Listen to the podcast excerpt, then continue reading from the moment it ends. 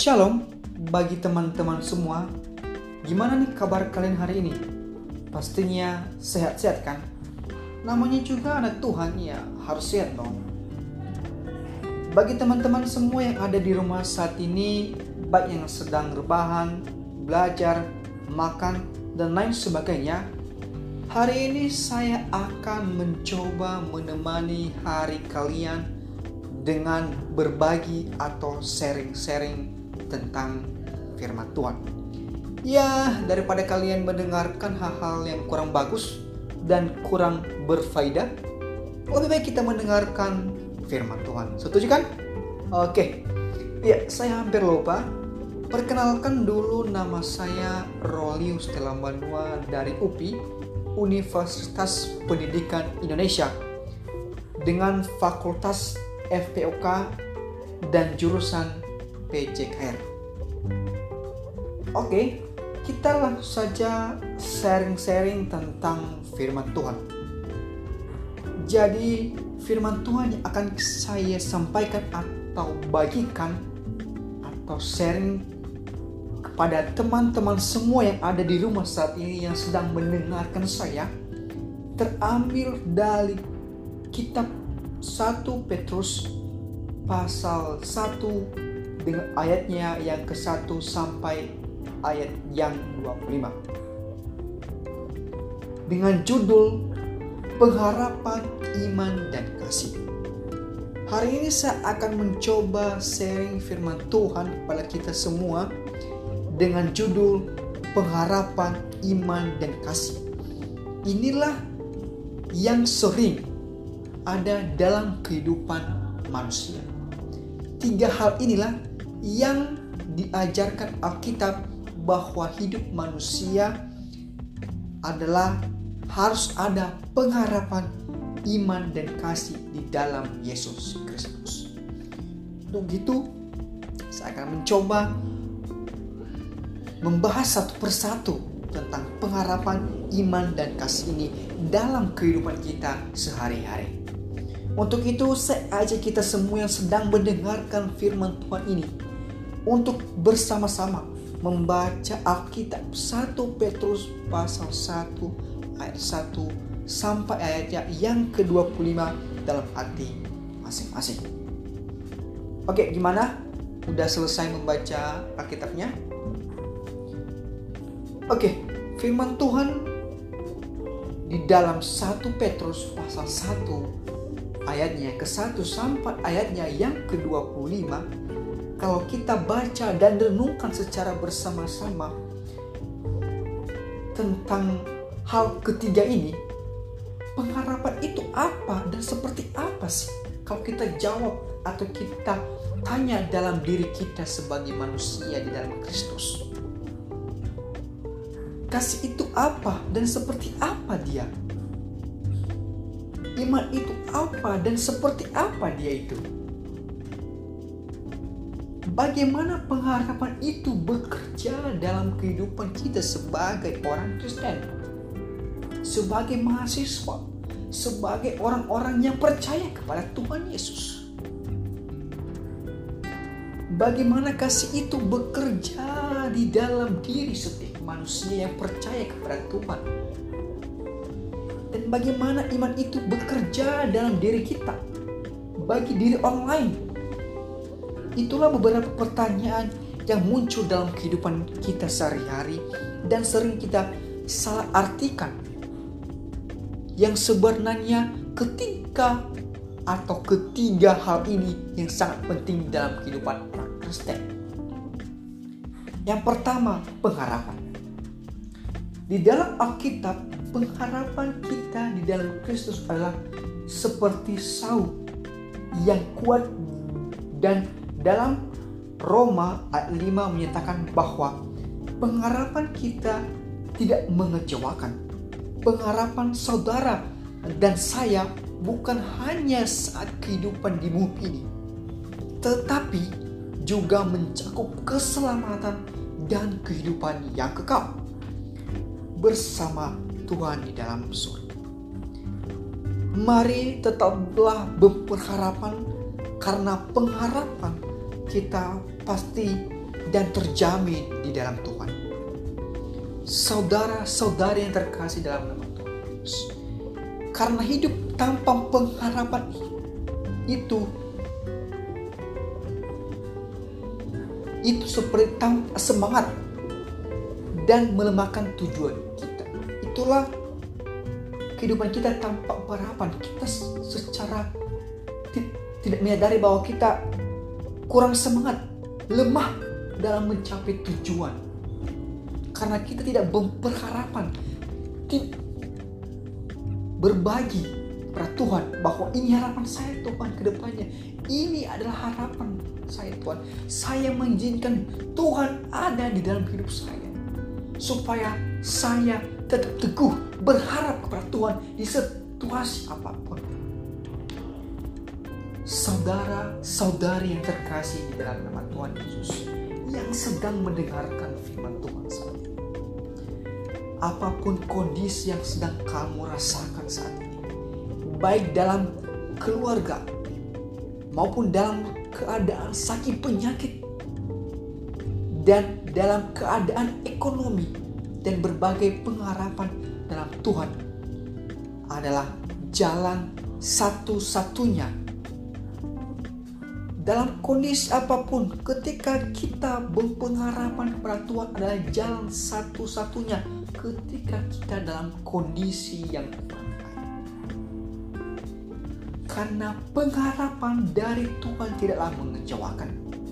Daripada kita berharap kepada manusia yang sama dengan kita, hanya ciptaan Tuhan dan pengharapan kita sebagai manusia kepada manusia tidaklah pasti.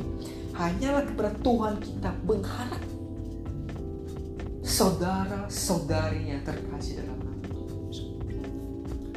Hari ini saya akan mencoba mengajak kalian untuk berdoa dalam diri kalian masing-masing. Coba renungkan apa harapan kalian di tahun depan. Apa harapan kalian ke depannya supaya diri kalian lebih baik dalam kondisi, lebih baik dalam berbagai hal supaya kalian tetap teguh dalam Kristus. Pembahasan yang kedua adalah iman dalam Ibrani pasal 11 ayatnya dinyatakan iman adalah dasar dari segala sesuatu yang kita harapkan dan bukti dari segala sesuatu yang tidak kita lihat. Dan Roma ayat 1 Selangi Roma pasal 1 ayat 17 menyatakan bahwa orang yang benar akan hidup oleh iman, iman kita kepada Kristus memberikan keselamatan. Iman itu juga memberikan kita keyakinan bahwa segala yang kita hadapi ada dalam kuasa dan pertolongan Tuhan. Amin. Keadaan apa pun, tantangan sebesar apa pun, masalah yang sangat sulit sekalipun akan dapat kita atasi dengan iman Tuhan Yesus berkata, tidak ada yang mustahil bagi orang percaya. Masalahnya sekarang, saudara adalah adakah kita mau tetap beriman? Apakah kita mau tetap percaya kepada Tuhan walaupun dia tidak ada di hadapan kita? Dan percaya kepada Tuhan, maukah kita menjalani hidup ini dengan iman? Tanpa ujian, dan goncangan bukan iman yang murni. Ketika kita memiliki iman tetapi tanpa ada uh, cobaan dari Tuhan, ujian dari Tuhan, masalah yang besar, itulah bukan iman yang murni. Iman kita justru justru harus semakin kuat walaupun ada tantangan karena saudara masih jalani hidup ini dengan iman. Mari kita jalani hidup ini dengan iman. Sebab, sebab hidup kita bukan karena melihat, tetapi karena percaya. Banyak sekarang para orang-orang Kristen mengatakan, kenapa saya harus beriman? Kenapa harus saya percaya pada Tuhan? Sedangkan dia tidak ada, sedangkan dia tidak nyata. saudara-saudara yang terkasih. Di dalam firman Tuhan walaupun dia katakan kita harus percaya bukan hanya karena melihat tetapi iman kita kita percaya oh dia adalah juru selamat kita. Dia rela mati untuk kita. Itu kita yang percayai bahwa dia adalah raja di atas raja. Dia adalah juru selamat yang menebus dosa kita di atas kayu salib. Yang ketiga saudara-saudari adalah kasih. Perintah yang utama dalam seluruh Alkitab berhubungan dengan kasih yaitu kasih kepada Tuhan dan kasih kepada sesama. Kedua hukum atau perintah ini sama hakikatnya. Mengasihi Tuhan dan mengasihi sesama harus seiring dan sejalan. Kasih kepada Tuhan kita nyatakan dengan menuruti firman dan kasih kepada sesama atau kepada sesama kita manusia kita wujudkan dengan menerima, menghargai, menolong, dan mengampuni. Itulah kasih kita antar sesama manusia. Ketika kita melihat orang yang sedang kesusahan, kita bantu, kita tolong.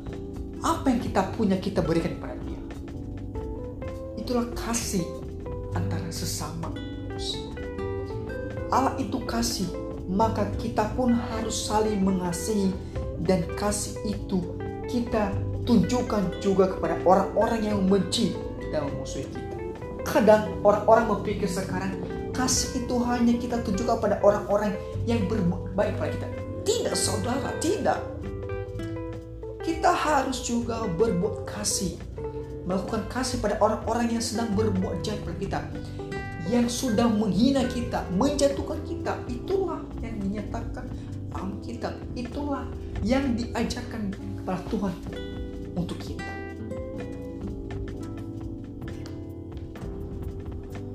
Tuhan Yesus kita ikuti meskipun ia dihina, dimusuhi, disalibkan, namun ia mengampuni dan mengasihi. Inilah yang perlu kita contoh Tuhan kita. Dia dihina, dicaci maki, dimusuhi, tetapi dia tetap mengampuni, mengasihi musuhnya itu itulah contoh di dalam diri kita sebagai sesama manusia. Di dalam diri kita sebagai umat manusia. Kepercayaan Tuhan. Saudara-saudara yang terkasih dalam Tuhan Yesus. Saudara yang dikasih Tuhan. Mengapa yang terbesar adalah kasih? Karena iman tidak lagi diperlukan. Dan pengharapan juga tidak diperlukan lagi ketika kasih sudah ada namun tetap ada di dalam surga adalah kasih. Saudara yang dikasih Tuhan, keadaan dunia ini penuh dengan tantangan yang mencoba menggoyangkan iman, mencoba untuk menghilangkan pengharapan, dan mencoba untuk membuat kita kehilangan kasih. Namun, tetaplah memiliki iman, pengharapan, dan kasih Tuhan dalam hidup kita. Tuhan selalu akan menyertai hidup kita. Tuhan akan memampukan kita untuk berjalan sepanjang tahun ini. Tuhan ada dalam hidup kita. Untuk itu, tetaplah berpengharapan dan beriman dan lakukanlah kasih. Saudara-saudara yang terkasih dalam Tuhan Yesus, itulah firman Tuhan kita pada hari ini Semoga dapat bermanfaat bagi kita semua. Sebelum saya mengakhiri, saya ajak kita untuk semua berdoa dalam hati masing-masing. Doa dimulai. Berdoa selesai. Terima kasih dan sampai jumpa lagi. Shalom.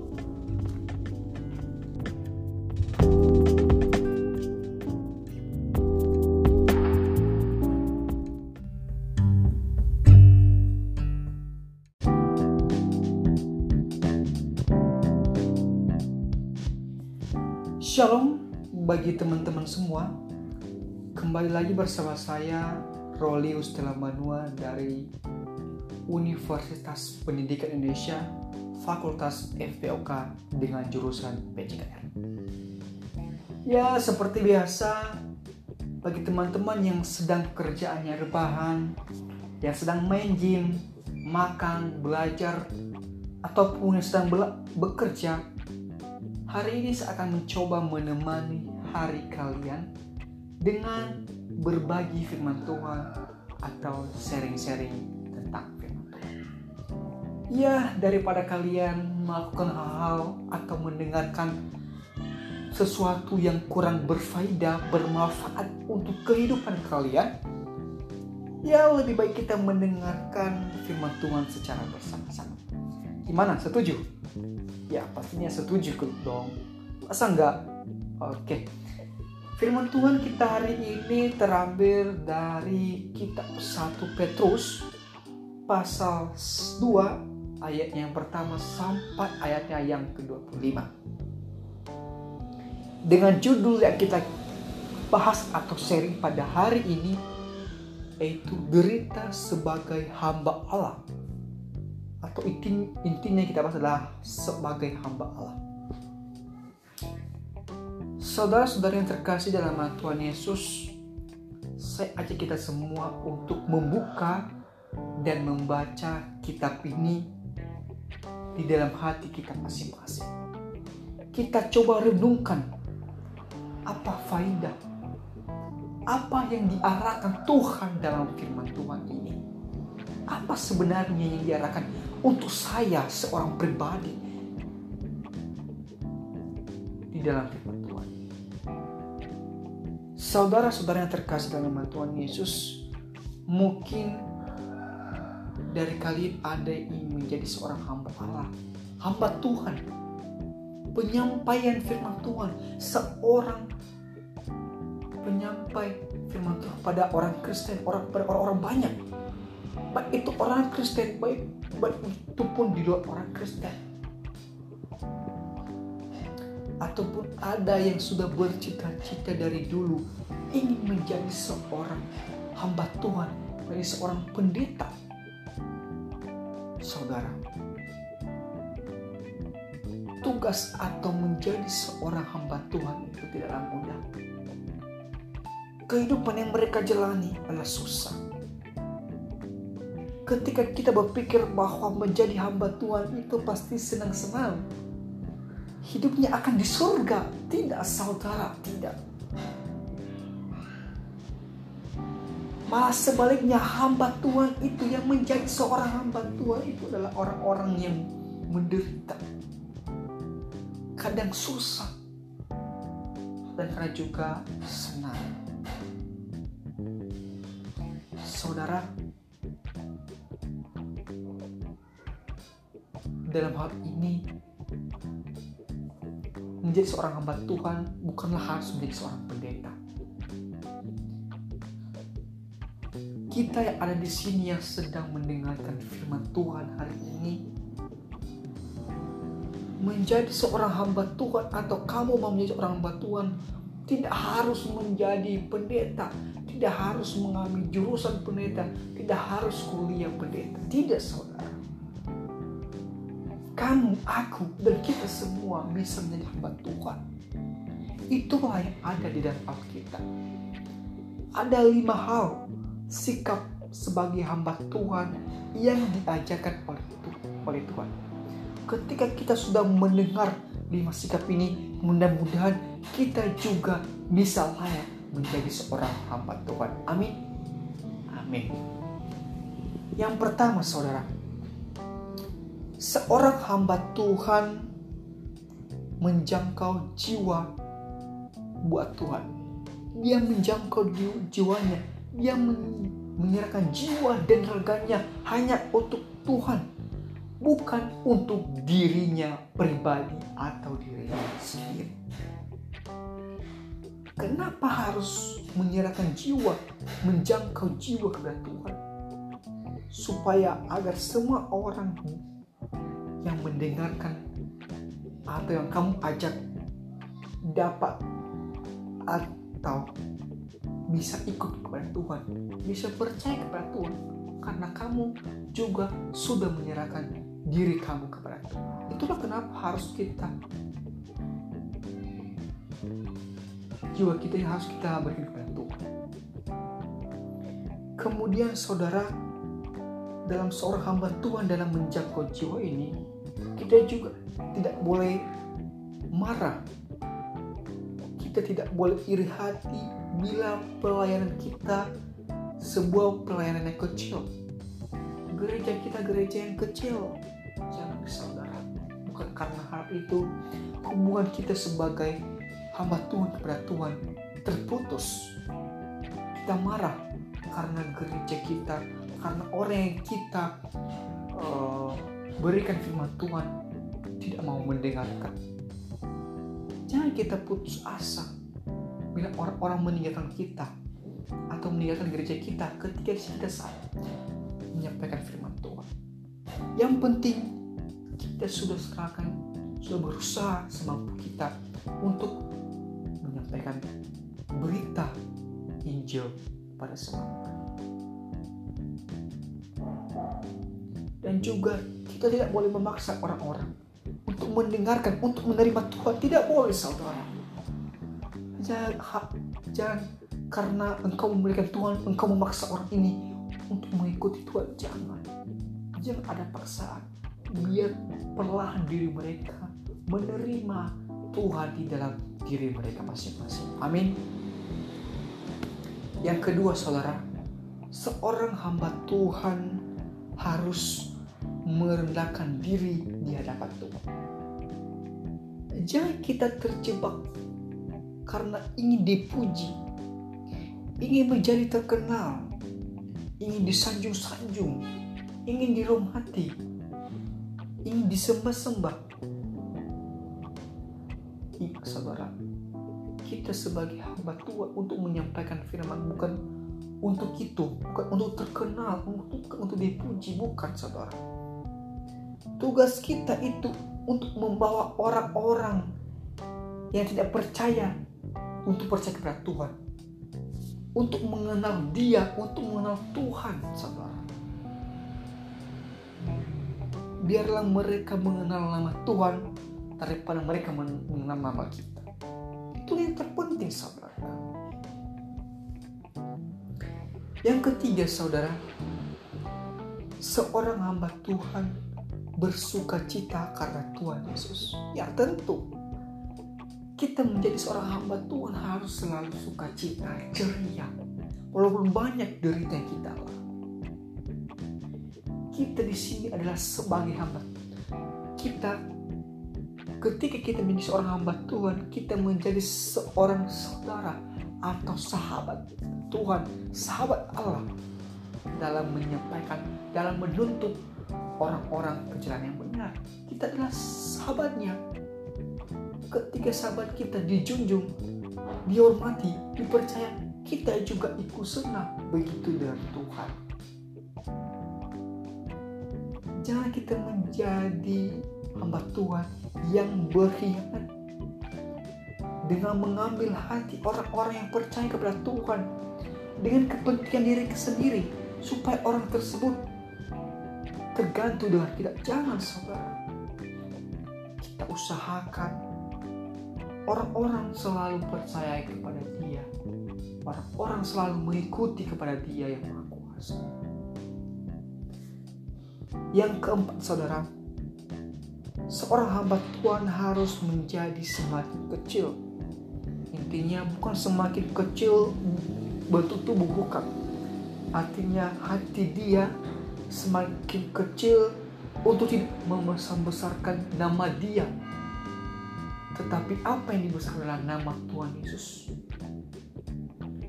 Dia tidak menge mengejar kepopuleran, viral, supaya dia disanjung. Tidak, saudara. Ia mengecilkan diri. Walaupun dia tidak dianggap tapi ketika dia mendengar, ketika orang-orang menganggap Tuhan Yesus adalah Tuhannya, percaya kepada Tuhan Yesus, maka hamba itu pun juga senang, saudara.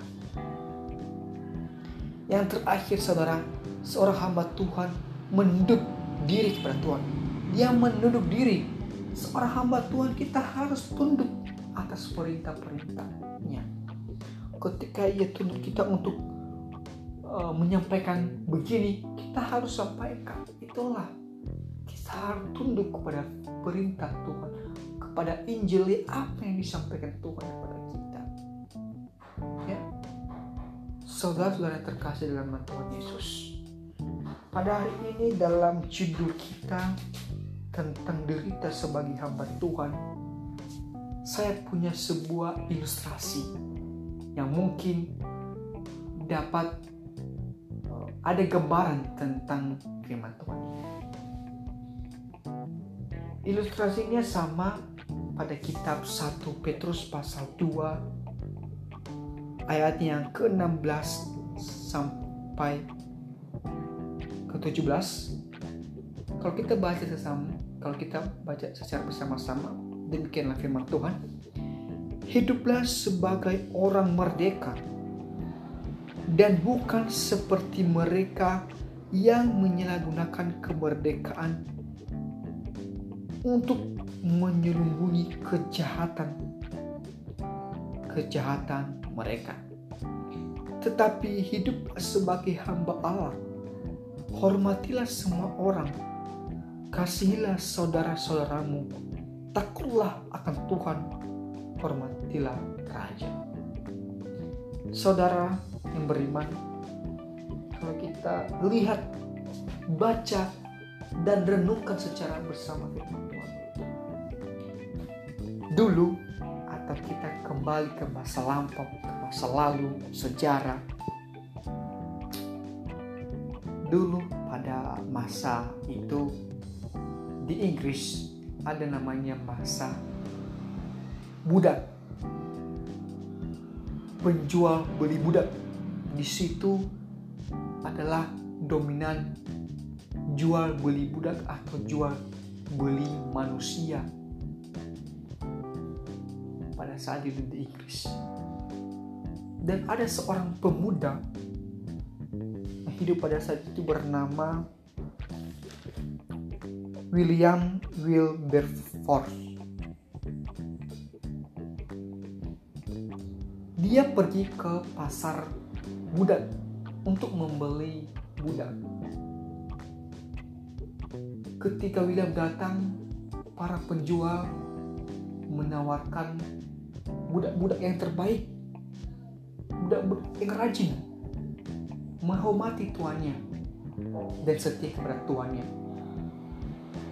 Tetapi apa yang dikatakan oleh William? Saya membutuhkan budak yang buruk. Perilaku yang buruk. Sikap dan kelakuannya serba buruk. Seketika orang-orang yang mendengarkan orang-orang penjual kaget keherangan dengan apa yang dikatakan oleh William. Biasanya orang-orang yang datang ke sini yang membeli budaya membeli yang baik, terbaik, dan setia kepada Tuhannya. Tetapi William ini lain dari yang lain, ya beda dari yang lain, gitu kan? Dia memilih Buddha yang buruk. Tidak lama, tidak lama kemudian seorang penjual membawa budak yang buruk sesuai keinginan William. Dia orangnya buruk, kelakuannya buruk, jahat, suka memaki, dan suka meludahi tuannya. Dan William pun senang dan ketawa. Dan dia membawa budak itu ke rumahnya. Sesampai di rumah, budak itu sikapnya tetap sama dia memaki-maki William dan berkata kepada William, "Saya akan merusak rumah kamu. Saya akan mengacaukan rumah kamu." Tapi apa kata William? Bagaimana cara William menghadapinya? Dia cukup tenang. Dia tidak marah sedikit. Tetapi apa yang dilakukannya? Dia mengambil surat atau sebuah surat dan memberikannya kepada si budak ini dan mengatakan ini adalah surat keterangan bebas kamu dari budak.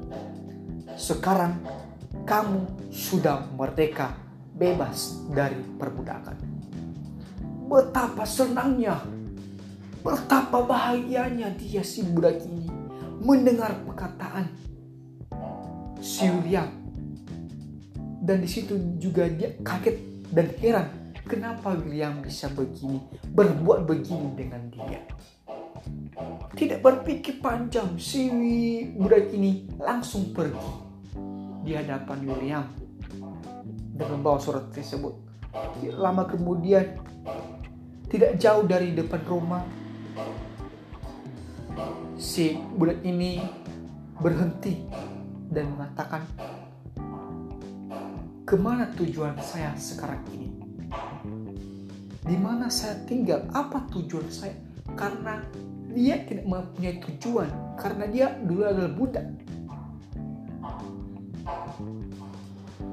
Kemudian dia kembali di rumah William dan mengatakan, Tuhan, Engkau sudah membebaskan saya dalam perbudakan. Engkau sudah memerdekakan saya. Saat ini saya berjanji akan melayani Tuhan sampai akhir hidup saya. Saya akan setia kepada Tuhan.